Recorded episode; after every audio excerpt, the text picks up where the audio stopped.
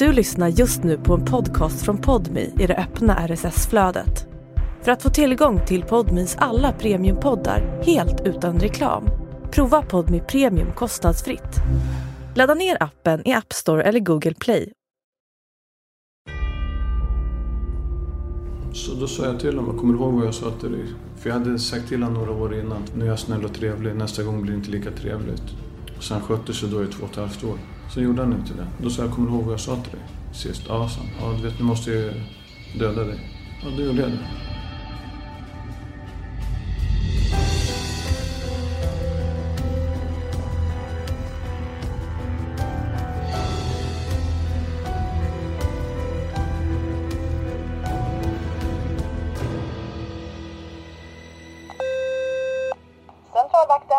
Hej, Eva-Lisa Wallin heter jag. Jag ska besöka Mattias Berg.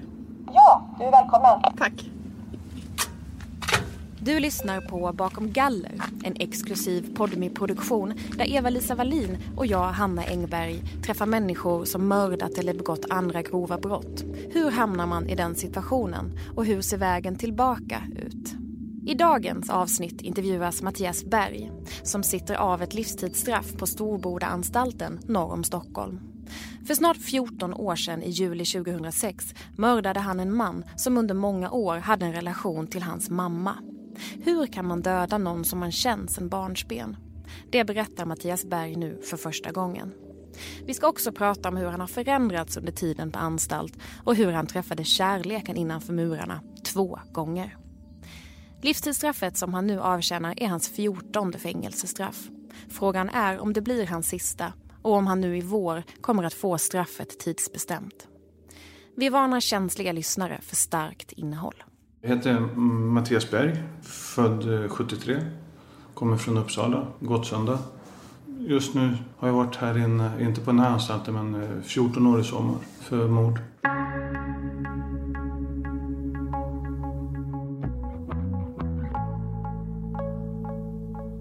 Den 10 juli 2006 går Mattias Bergs mamma hem till den man som hon under flera år haft en relation med. Det är en bekant som hört av sig och varit orolig eftersom han inte hört av den 72-årige mannen som är sjukpensionär på en vecka. När hon öppnar dörren till lägenheten i Gottsunda i Uppsala möts hon av en kraftig stank. Polisen larmas och mannen hittas död i sin säng. Han har blivit slagen i ansiktet, fått flera frakturer på käken och näsbenet och han har blivit stucken med ett vasst föremål i bröstet medan han legat ner. Ingenting tyder på att mannen försökt göra motstånd. Misstankarna riktas snabbt mot den då 33-årige Mattias Berg som dessutom är inneboende hos mannen. Han har sedan tidigare ett långt belastningsregister på över 30 punkter. Och så hittar man mannens blod på hans byxor. Hösten 2006 döms Mattias Berg till livstidsfängelse för mord.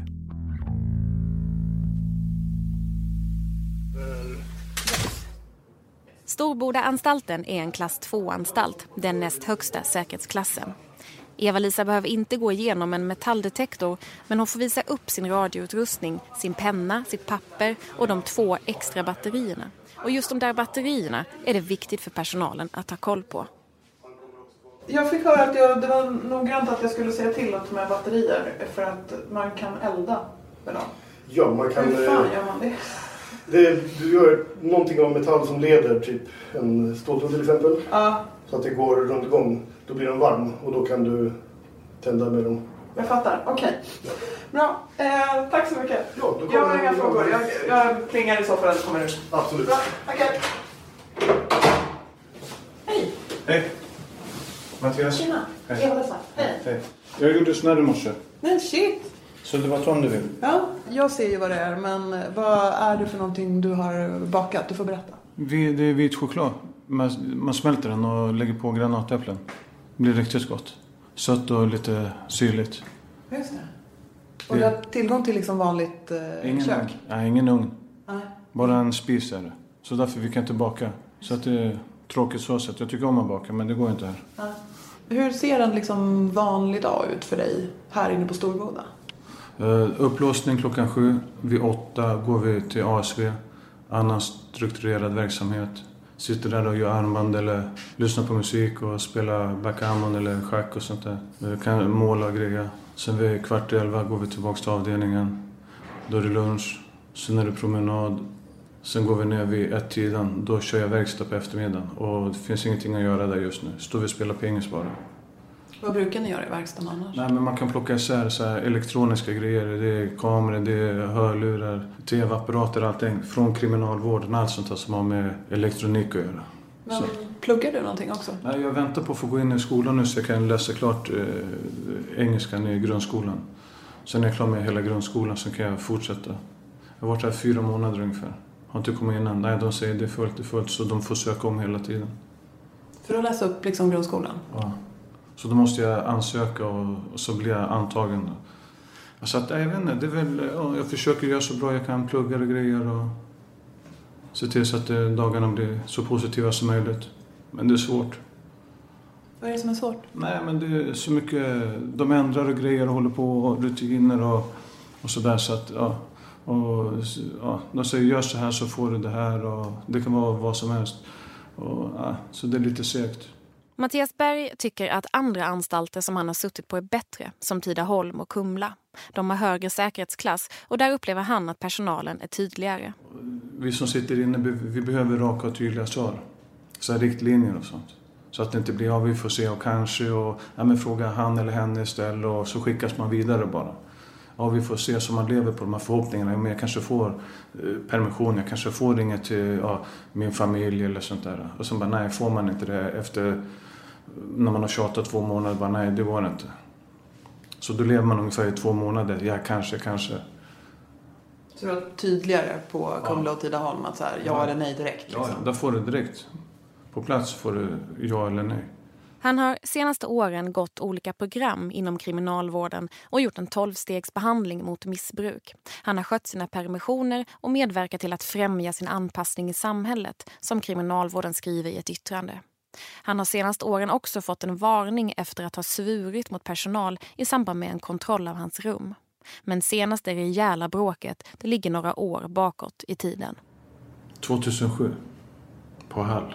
Det var den som, han hade dåliga papper. Dåliga papper? Ja. Hans förhörspapper och sånt, det var, det var inte bra. Då hade han eh, pratat lite väl mycket. Då. Det var någon annan som hade fått straff också. Sen hade jag golat. Och det är inte bra. Men du hade inte råkat ut nej. för det? Det var inte din? Nej, nej, det var inte, nej, nej, nej. Utan det var en annan. Jag fick en smäll och han ja, fick också. Sen därifrån, jag därifrån och flera andra åkte därifrån. Men varför tänkte du att du skulle... Nej, det var inte bara jag, det var andra som sa till honom också. Ta fram dina papper. För det gick rykte om att han hade golat och grejer. Och sen sa han så men ja, nu har, det, nu har det gått en vecka, det är fredag, nu får jag se papperna. De andra har läst papperna, men jag vill läsa dem. Och då var det lite tumult där. Har du fått visa dina papper också för någon? Ja, inte det här straffet. Jag är själv i mitt mål. Andra straff, ja, ja. Det måste du göra. Varför det? Då vet man att du, om du har pratat med poliser eller om du har du vet, angett någon, du vet, så att du har bra papper. Är det alltid så när man kommer till en anstalt? Inte nu för tiden tror jag. Förut var det så. Det att det är någonting konstigt, att du får inte stanna kvar, du får packa och dra.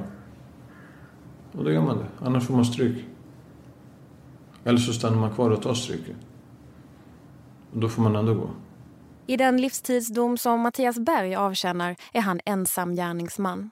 Offret var en man i 70-årsåldern som han känt sedan han var barn och som han vid tiden för gärningen, sommaren 2006, bodde inneboende hos. Vad som fick honom att begå det brutala mordet och hur det gick till, det ska vi komma till. Men vi börjar med uppväxten och skälet till att han på anstalt måste läsa in grundskolan. Du är 47 år, du har fyllt det år. Mm. Det är 2020 nu. Hur kommer det sig att du inte har liksom gått klart grundskolan innan? ADHD. Och massa sådana grejer. Sen jag har varit på, sen jag var liten, jag har varit på omhändertagen. Så att, jag åkt runt mycket och fosterhem, jourfosterfamiljer och och ungdomsförskolor. Och, så att, och då blir det så. Då har man inte tid att plugga. Tack vare min ADD och ADHD och sånt. 2012 på Tidaholm, då, då gjorde jag den här utredningen. Då bara, okej, så då fick jag medicin. Men jag slutade med den för det funkar inte. Jag testat tre olika. Ingen av dem tycker jag är bra. Vad, så nu, du tar ingen medicin nu mot ADHD? ingenting. Vad, vad är det som inte har funkat när du har tagit medicinen? Nej, men den funkar bara en, två veckor, sen funkar den inte längre. Och, och då får jag ändå så här, ja, 70 milligram, för de säger man får inte mer. Så att, eh, och jag testar Concerta, Medicanet och eh, Alvanse. Men det funkar inte. Första, första veckan funkar det jättebra. Då är jag lugn och jag kan koncentrera mig. Och, och sen ja, flyger jag iväg. Kan jag inte koncentrera mig och springer omkring och håller på. Så att, ja, då tänker jag, då låter jag bli den. Vad blir skillnaden då? Hur blir du då när du inte tar medicin? Liksom? Ja, som nu, fast nu får jag koncentrera mig ska, så jag sitter stilla. För jag har lite så det kryper i benen och sånt där. Och rasslar så tankarna fladdrar hela tiden. Men jag är ju van med det sen jag var liten. Det är jobbigt för de andra kanske. De säger det, men du har ju kraftig Normally, being a little extra can be a bit much, but when it comes to healthcare, it pays to be extra. And United Healthcare makes it easy with Health Protector Guard fixed indemnity insurance plans. Underwritten by Golden Rule Insurance Company, they supplement your primary plan, helping you manage out of pocket costs without the usual requirements and restrictions like deductibles and enrollment periods. So when it comes to covering your medical bills, you can feel good about being a little extra. Visit uh1.com to find the Health Protector Guard plan for you. ADHD. Så nej, så jag. Det var mycket värre förut. Ja, bara tittar de på mig så här, och ruskar på huvudet och grejer. Så garvar de lite. För mig är det naturligt. Jag har haft det sedan jag var liten. Så att, Men hur tänkte du, eh, sladdade över rätt fort det här med ja, men ungdomsskolor och, och vårdhem och placeringar och sådär. Kan du berätta lite mer om det? För du säger ja, men dels ADHD, men hur såg det liksom ut annars för dig när du var liten? När jag var tio år då var jag utkastad eh, på gatan. Så då fick jag bo... i- Alltså utkastad av dina föräldrar, Ja, din mamma? mamma, ja. Mm. Eh, Vad så- hade hänt då? Nej, jag var väl eh, ett barn som tyckte om att ha skoja och grejer. Satt aldrig still och rörde mig och sprang och grejer. Så att, eh, ja, nej, då var jag utkastad så jag fick bo ute riktigt på gatan. Eh, Jag bodde hos kompisar, de fick smussla ner mig i deras källare och sådär. Och fick smyga mat till mig för de fick inte umgås med mig och jag fick inte umgås med dem. Och, så, då var jag tio år. Då fick jag börja stjäla grejer, mat och sånt i affärerna. Så har det varit. Sen har jag på BUP och, och det vart ju inte bättre. Och sen var jag på Åpskola där i Uppsala, nere på stan. Och där vart jag skickad sen till internatskola. Och då vart det inte bättre heller. Då träffade jag sådana som var äldre som lärde mig saker. Och, men alltså, att bli utslängd, som tioåring bli utslängd hemifrån av sin mamma. Vad, vad, kommer du ihåg vad du tänkte eller kände då? Ja, jag ville ju vara där hemma. Jag var, jag var ju ledsen. Hon kastade så jag försökte komma in och... Ja, eh, min storasyster, hon är halvsyster, var samma mamma. Bara, och jag sa, men får jag komma in? Nej, nej, du vet, mamma blir Du vet hur hon är. Hon- Hon blir bara arg och sådär när du är här. Så fick hon släppa in mig på nätterna när mamma låg och sov. Så var det när jag var på Sundbo också. När jag rymde därifrån. Då drog jag alltid hem. Hon bara, men du vet ju hur mamma är så. Så när jag vaknade på morgonen, då stod polisen där och knackade på. Jag kom. För då ringde polisen. Så kom de hem till mig och körde tillbaka mig till det där stället, Sundbo. Sin pappa har Mattias Berg inte haft nästan någon kontakt med under hela sin uppväxt. Men mamman fortsätter han att ha en relation till trots att han blir utslängd. Och vi ska komma till det. Redan som barn börjar han missbruka, inte bara alkohol utan även narkotika. Jag Började röka brass när jag var 13. Och då käkade jag tabletter redan också. Jag började dricka när jag var 9-10. Och käkade tabletter då också. För att eh, jag förstår, jag har förstått det nu efteråt att det är för att stänga av och inte kunna ja, känna och sånt. Så att 9-10 då stängde jag av helt alla mina känslor. Blir det liksom lugnare i huvudet då också? Alltså för du säger att du så här, nu, måste, nu när vi sitter här så måste du koncentrera dig och du så här, verkligen fokus liksom. Ja, så att jag går ner för att jag känner... För Går ner i varv, liksom. Bara ja, prata jättesnabbt och hålla på sådär. Men jag måste ju ändå försöka andas lugnt alltså. Så att det är jobbigt emellanåt men ja. det är så. Jag, jag lever ju med det.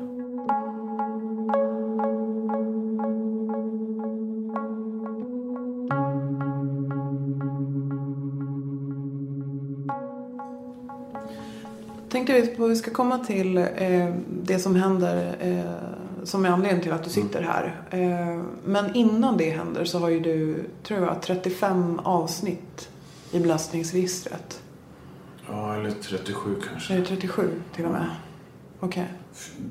Det här är 14 gången jag sitter nu, sen eh, 91. Det är 14 fängelsestraffet du sitter av nu. Så det har varit massa korta straff och sådär.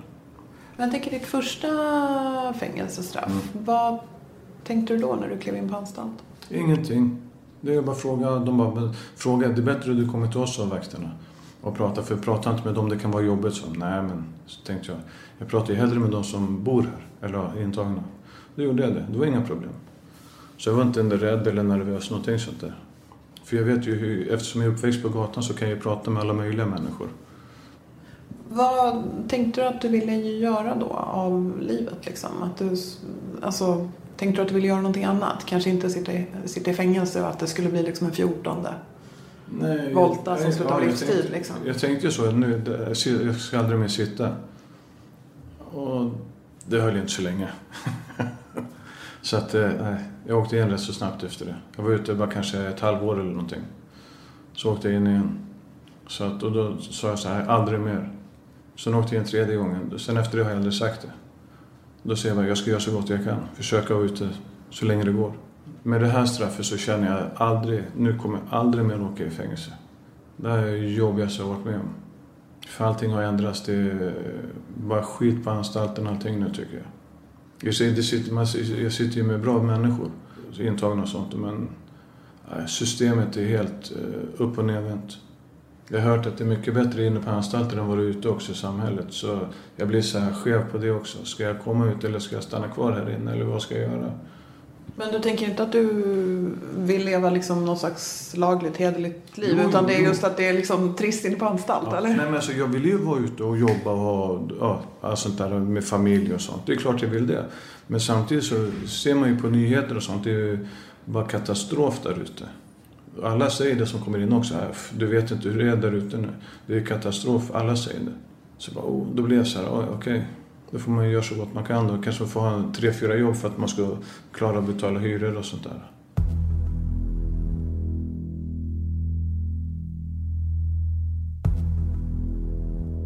Tänkte på eh, 2006 Mm. då du eh, dödar en annan person. Vad är ditt läge då, dagarna liksom innan det händer? Jag, kom, jag skrev ut mig själv från eh, ett behandlingshem. Eh, Hugen heter det uppe i Kramfors. Eh, jag hade gått eh, grunden där. Det är 12 steg.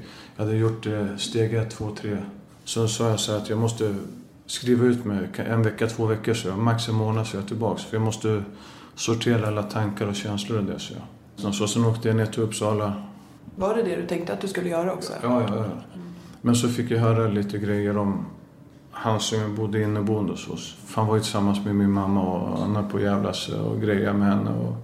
Så då sa jag till honom, kommer du ihåg vad jag sa till dig? För jag hade sagt till honom några år innan, två och ett halvt år ungefär innan. Nu är jag snäll och trevlig, nästa gång blir det inte lika trevligt. Så han skötte sig då i två och ett halvt år mot min mamma. Så gjorde han inte det. Då sa jag, kommer du ihåg vad jag sa till dig sist? Ja, sa han. Ja, du vet, nu måste jag döda dig. Så jag. Ja, då gjorde jag det. Jag ångrar det nu efteråt, men just då jag hade inte rätt verktyg. Den här kunskapen som jag har fått nu, för jag har gått massa program nu. Och då jag var avstängd och ingenting bekom mig då.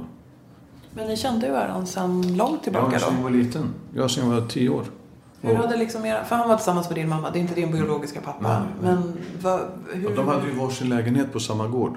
Så ibland var de, bodde de hos eh, han och ibland bodde de hos henne och ibland var de i deras respektive lägenheter för att då var de osams och sånt. Så att ja, jag sprang däremellan och grejer och om jag inte var på något behandlingshem eller ungdomsvårdsskola eller så, fosterfamilj och sånt. Hur var han mot dig? Nej, han var väl okej tror jag. Han var ju aldrig otrevlig och sånt. Det var han inte. För det jag tänkte, när jag läst liksom de gamla, gamla domarna Mm. om det här. Då är det ju en man i dryga 70-årsåldern. Mm. Eh, han är, tror jag läste, han var 1,75 lång men vägde 59 kilo. Det är rätt klent skulle jag säga. Eh, han har astma, han är sjukpensionär. Eh, det finns inga avvärjningsskador. Och du är i, jag vet inte hur lång, hur lång du är. 78. Ja, eh, så ni är ungefär jämnlånga. Men du var i, ja hälften så gammal som han, 30-årsåldern. när det Ja, men jag var hände. smal också då. Ja.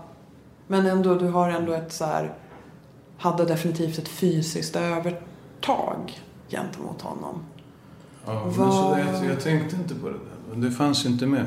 För jag vet bara att jag hade sagt så till alltså, för jag, jag, är så, jag står för vad jag säger.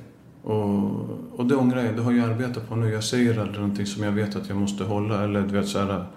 Hade jag inte sagt det, då hade det inte hänt. Det är det mycket sånt där jag går och tänker, varför gjorde jag det? För det var inte bra. Det där var bra onödigt. Så jag mår ju dåligt för det. Det gör jag. Men jag har pratat om det så mycket och sånt så att därför då blir det inte att jag ja, kanske sitter och gråter eller sådana där saker. Utan nej, för jag har ju arbetat med det här ja, snart i 14 års tid. Har du gråtit? Inte över det här. Men jag grubblar. Jag har ju blivit lite så här sorgsen. Det har jag blivit. Men inte så att jag får tårar. Det har jag inte fått. Men det har blivit lite fuktigt har det blivit i ögonen. Så. Men inte så att, ja.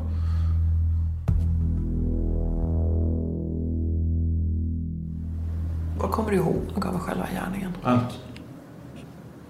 Hur kommer det sig att han inte har några liksom, avvärjningsskador? Är det för, sov han? Eller bara... Nej, han var vaken. Vi stod och pratade. Ja, Jag sa det, ja, nu måste jag döda dig. Och då började han säga någonting. Då slog jag upp foten. Och då var, det, då var han borta redan. Kommer du ihåg vad du tänkte då? Ingenting. Tänkte jag. Jag vet det. Absolut ingenting tänkte jag. Det är det också jag tänker på efteråt. Så shit, hur, alltså. Jag var inte ens arg, ingenting. Det är det som är grejen. Jag tänkte, oj, vad hände där? Från när jag gick den här tolvsteget där, grunden där, att alla känslor och grejer, att eh, någonting. Och det kom ut och bara exploderade. För jag kände ingenting, det var bara... Alltså jag var inte arg, jag, eller jag, jag vet inte hur jag ska förklara. Det var som att eh, någon annan tog över mig och bara körde. Det är därför jag har sagt att det var inte jag, det var någon annan. För att det kändes så. Även om jag, vet, jag var där och jag såg allting, jag vet precis, jag kan säga precis vad som hände. Men det kändes ändå som att jag var utanför. Att jag var bara som en passagerare. Det är mitt eget fel att jag sitter här. Jag vet ju det. Jag för jag tänkte innan också när jag gjorde det här att ja, jag gör det här nu, torskar jag så är det livstid. Det visste jag ju. Normally, being a little extra can be a bit much, but when it comes to healthcare, it pays to be extra. And United Healthcare makes it easy with Health Protector Guard fixed indemnity insurance plans. Underwritten by Golden Rule Insurance Company, they supplement your primary plan, helping you manage out of pocket costs without the usual requirements and restrictions like deductibles and enrollment periods. So when it comes to covering your medical bills, you can feel good about being a little extra. Visit uh1.com to find the Health Protector Guard plan for you. Men så var det jag måste ändå försvara min mamma. Även, även fast hon kastade ut mig när jag var liten så det är ändå min mamma. Det är så. Vi har bara en mamma, henne ska man, måste man ta hand om. Men att döda en annan människa? Ja, jag vet, men jag hade inte... Hade det hänt nu så hade jag suttit och pratat med henne.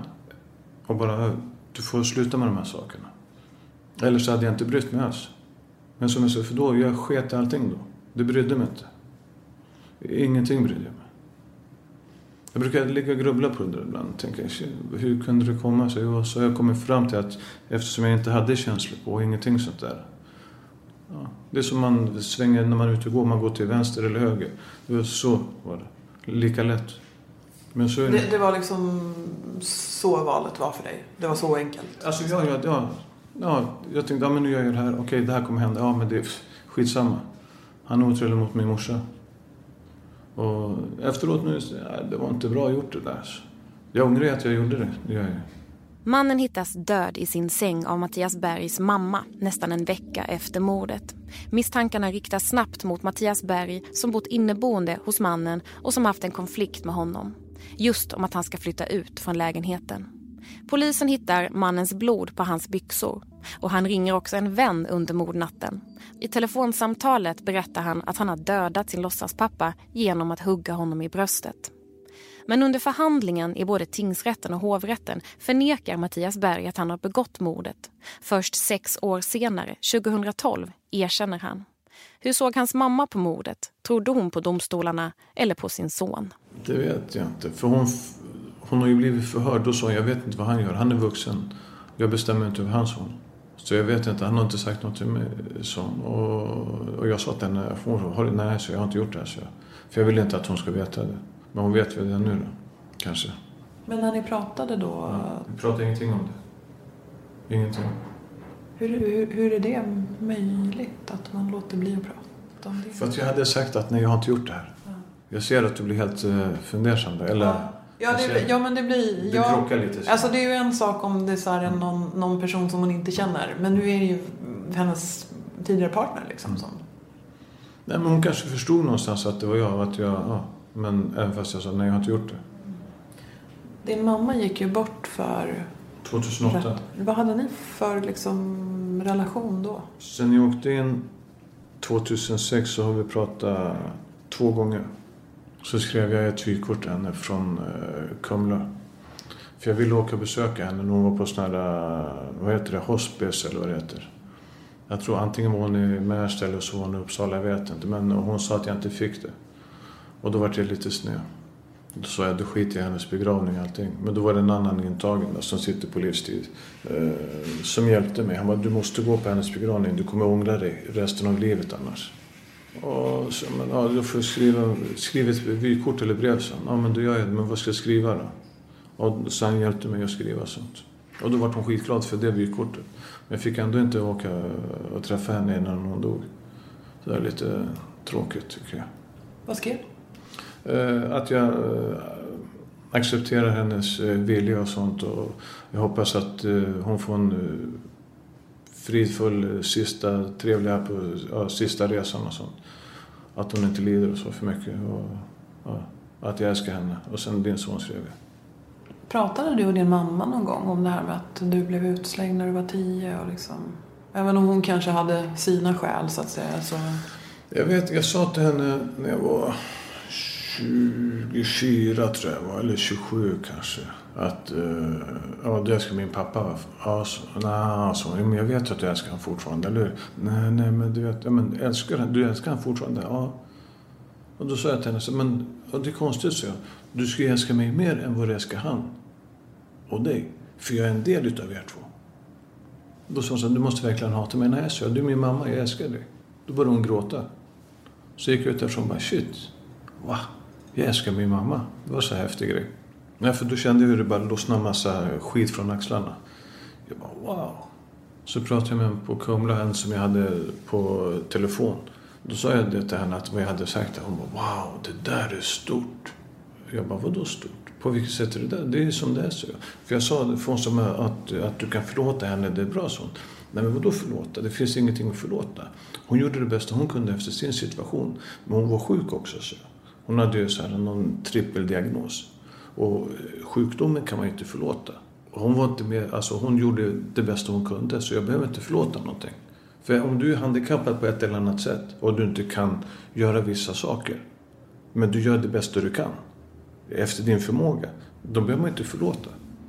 Sjukdomen kan du ju inte förlåta, eller För den är ju där. Och den kan du inte göra någonting åt.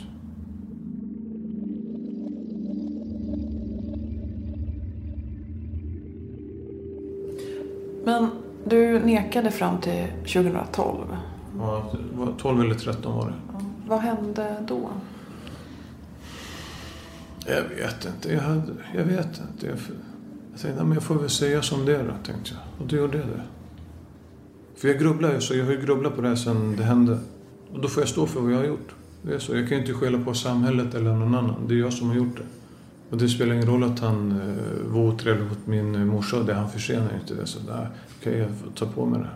Och jag hade inte rätta verktygen och sånt. Det, och jag var avstängd, men det är jag som har gjort det. Jag hade ju ändå ett val. Ska jag göra det eller ska jag inte göra det? Jo, jag gör det. Så att då får jag ta det som kommer också. Både bra och dåliga sakerna som kommer.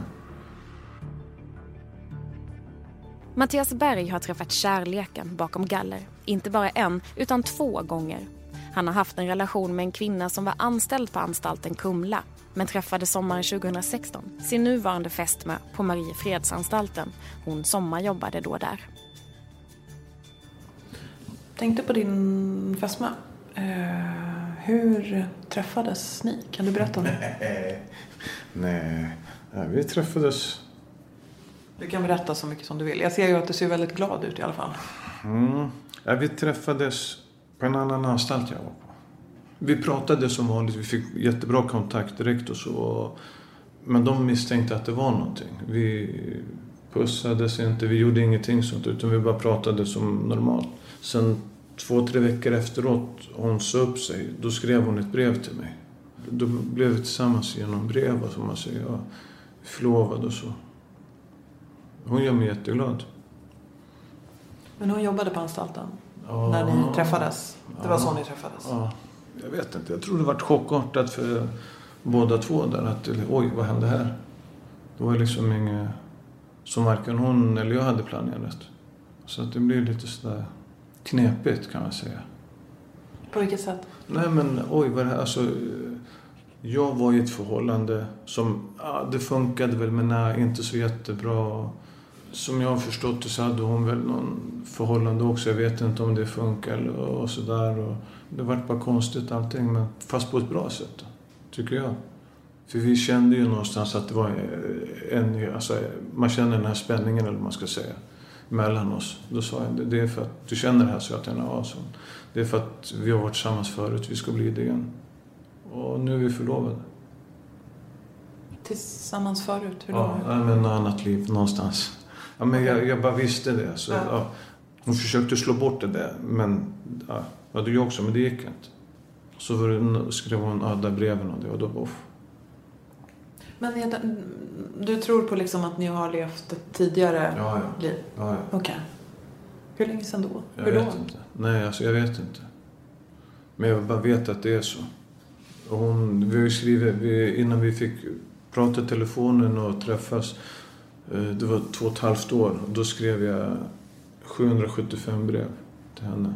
Och då, då skrev jag mycket om de här sakerna. Hon bara, ja, men, för hon förstod också att det är någonting att vi, ja, på något sätt så har vi känt varandra förut. I några tidigare liv, jag vet inte när. Fästmön får ringa Mattias Berg och sen julen 2018 får hon också besöka honom. Men hur håller man liv i en relation när en är bakom galler och en utanför? Men så fort man får sen godkänt med telefon, då kan man ringa, om inte någon annan ska ha telefonen, så kan man ringa hela tiden. Pratar man en timme eller så. Eller 20 minuter. Så, ja, har det varit bra idag? Ja, sådär. Har det, har det varit bra för dig? Ja, ja, det har varit skit. Fick avslag eller vad som helst. Så man berättar liksom. Ja. Sen det är lugnt. Det är liksom, för livet fortgår ju där ute som det gör här inne. Tänker du själv kring just det här, alltså eh, kriminal, personer inom kriminalvården som blir tillsammans med, med eh, intagna eller eh, fångar liksom. Hur, hade du själv sett det framför dig? Nej, verkligen inte. För de är vakter. De låser in oss. Det är inte våra vänner. Så när det händer, wow, vad är det här för någonting? Det blir helt... Eh, jag, får ju, jag har ju fått jobb med hela mitt eh, system. Och jag tror nog att det är likadant för de som blir tillsammans med en, fånge. Att, nej men vad är det här? Oj. Nej, för jag tänker de träffar ju dig i sin yrkesroll. De vet väl kanske relativt ofta ungefär vad du har gjort och varför du, sitter. eh, Eller förstår det utifrån att du sitter på livstid liksom. Jo, men de ser inte mig som det. De ser inte mig som varken narkoman eller någonting sånt där. Så att de blir så här, bara, ja just ja, ja du är ju narkoman ja. Eller ja, så där. Och, och jag sa, Ja, just ja, du sitter på livstid. Ja, jag kan inte förstå det, så Nej, men det blir så här, jag vet inte. Det är för att jag kanske inte beter mig som någon narkoman.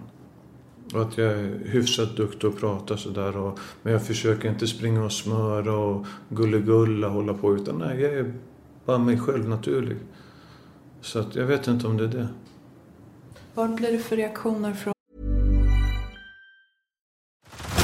Head over to Hulu this March, where our new shows and movies will keep you streaming all month long. Catch the acclaimed movie All of Us Strangers, starring Paul Mescal and Andrew Scott. Stream the new Hulu original limited series We Were the Lucky Ones with Joey King and Logan Lerman. And don't forget about Grey's Anatomy. Every Grey's episode ever is now streaming on Hulu. So, what are you waiting for? Go stream something new on Hulu. An, andra inne på anstalt? Alltså jag tänker både eh, personal och liksom intagna när de fattar fan han är ju tillsammans med henne som jobbade här tidigare. Liksom. Jo men det, det är inte hon tyckte. Då när hon sa upp sig, sen fick jag göra knall därifrån. Då fick jag åka till Norrtälje. Alltså är knall, byta anstalt. Liksom. Ja, jag har ju inte gjort någonting. Jag har, inte gjort, jag har ju pratat med henne som jag pratar med. Ja men det är så det funkar så. Som jag har förstått det så är det utifrån något slags eh, säkerhetstänk man flyttar dig för att du kan få reda på saker, att den personen omedvetet berättar om säkerhetsrutiner på något vis. Men hur brukar andra intagna reagera? Jaha, ja, wow, så, men hur gör du? Hur gör du? Ja, ingenting, jag bara är som vanligt. De blir så här helt, eh, ja, jag vet inte. Hur gör du? Alltså. Alltså, men på vilket sätt jag gör så att jag... Jag, sa, men jag gör inte jag är bara mig själv säger jag. Jag springer inte och försöker och, och håller på till åh, åh, så att du ser bra ut eller du är sex eller många gör sådär. Springer, men jag, jag är bara mig själv. Utöver fästmön har Mattias Berg bara kontakt med en person till utanför murarna. Jag har kontakt med min eh, faster, sen ingen mer. Jag försöker eh, att få, få kontakt med andra, men ja, det är en som är här som är från samma ställe som jag. Det låter ju rätt isolerat med liksom, kontakten med fästmön och sen med din faster, men liksom ingen annan. Jo, men det är nu jag ska ju försöka så att jag får... Jag skriver såna här samtyckesgrejer. Och, så den som muckar snart som ska lämna till några vänner till mig där i Gottsunda. Som ja, sköter sig. En, ja, min syrra är en av dem. Vad skulle det betyda om du skulle få tillbaka kontakten med dem? Antingen din syster eller vänner? Ja, det är väl skönt att kunna prata lite. Det har ändå gått lång tid och jag är inte samma person nu som jag var då. Jag vet ju att jag var nog rätt så dålig person då kan jag säga. Eller jag vet att jag var det. På många sätt och vis. Men jag var även en bra person också. Så att, eh, men det är alltid det dåliga som folk kommer ihåg. Första gången som Mattias Berg ansökte om att få sitt livstidsstraff tidsbestämt 2017 fick han nej. Sedan dess har han bland annat gått tolvstegsprogrammet och lämnat in en ny ansökan om att få tidsbestämt. Den 3 mars 2020 kommer domstolens beslut. I ett yttrande från Rättsmedicinalverket, RMV, står det att Mattias Berg har antisociala och psykopatiska drag även om de tonats ner med åldern. RMV är också bekymrade över att han är lättstressad och impulsiv och har en ovilja att ta emot hjälp från myndigheter. Det där kan också riskera att han återfaller i missbruk trots att han anses vara seriös i sitt arbete med att hålla sig borta från droger. Mattias Berg har missbrukat under många år men det finns en period under 90-talet då han bodde i Hälsingland som han var skötsam. 94 till 97 var jag mm, drogfri. Eh, och alkoholfri. Vad, vad var det som... Jag ledsnade. Så jag ville inte hålla på med Sen började jag igen. För det hände massa grejer runt omkring och jag bara... Då började jag. Ja, för det beskrivs som att du flyttade tillbaka till Uppsala och, Ja. och att Jo, det men då... innan det så började det hända saker. Sen vart det direkt till, tillbaks till Gottsunda. Vad var det som gjorde att du liksom lyckades med det då? Även om det sen sket sig så att säga. Jag hade ett bra mående i mig själv. Hittade någonting som, jag vet inte vad det var, men jag mådde bra i alla fall. Och sen började jag kalkylera och hit och dit och sen, nej, skit. Jag tänkte, nu skiter jag allt. Nu ska jag visa min andra sida och då gjorde jag det. Det höll jag på till, ja, i stort sett hela tiden tills jag åkte in det här straffet. Ett, mm. ett tag där jag, det var, oh, vad droger jag tog alltså. Usch. Så ett tag jag var riktigt blandmissbrukare. Jag drack och grejer och folk bara wow. Hur klarar du det? Ja, det är inga problem. Har du aldrig varit rädd under de här åren? Nej. Vad ska jag vara rädd för? Och dö? Nej. Det är väl det bästa som kan hända. Då slipper man all skit. Ser du så fortfarande? Ja. Ja, ja. Jag sa det på, när jag var på behandlingen att, eh, att jag hade med egna överdoser för att jag frivilligt, alltså medvetet tagit överdos på heroin. Och så säger jag, jag har varit så hemsk, en hemsk person så att inte ens döden har tagit emot mig. Det är inte bra då alltså.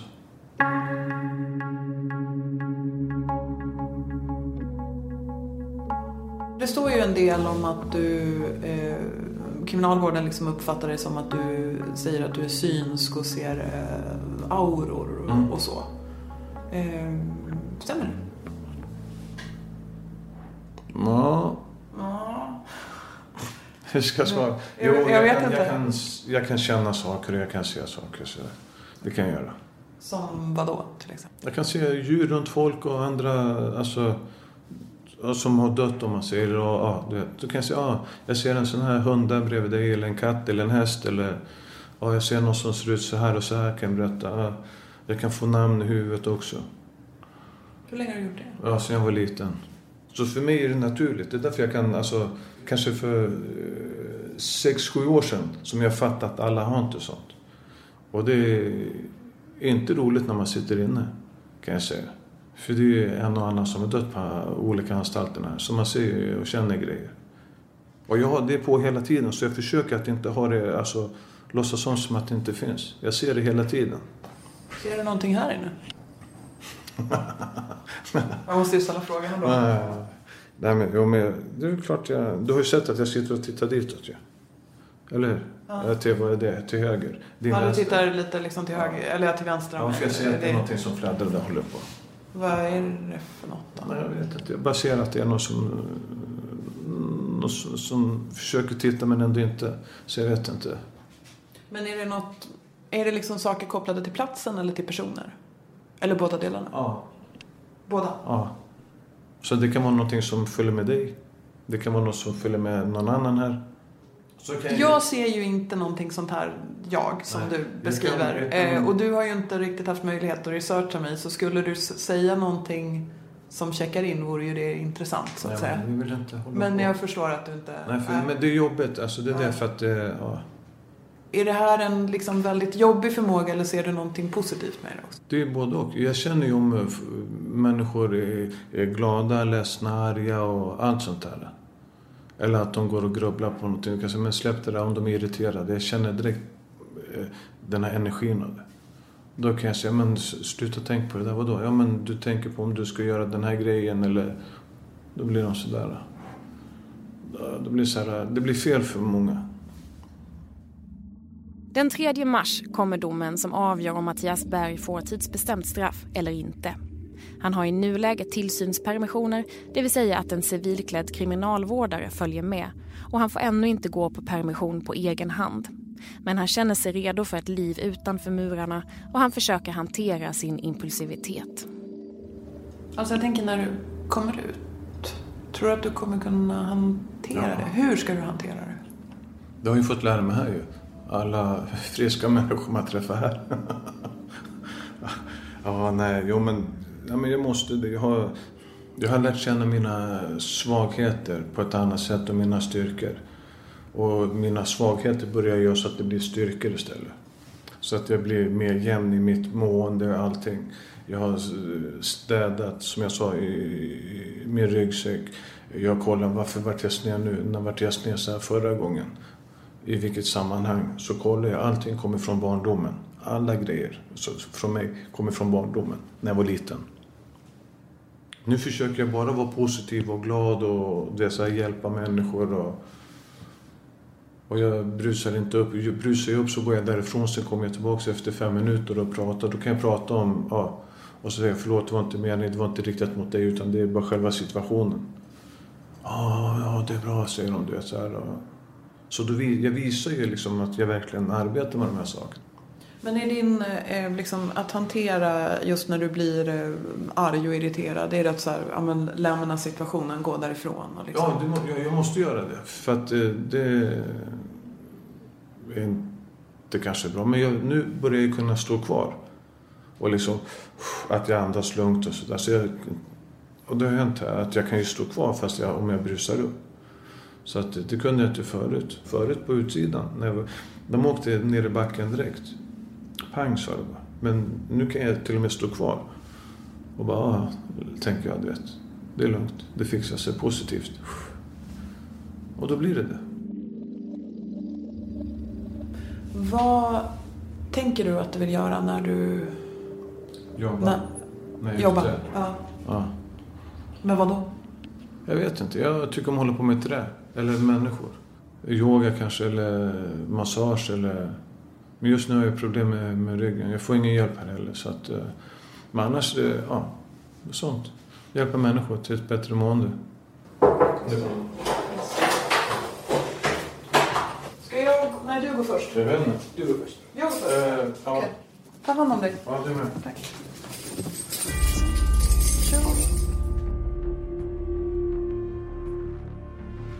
Du har lyssnat på Bakom galler som görs av Eva-Lisa Wallin som idag intervjuade och mig, Hanna Engberg.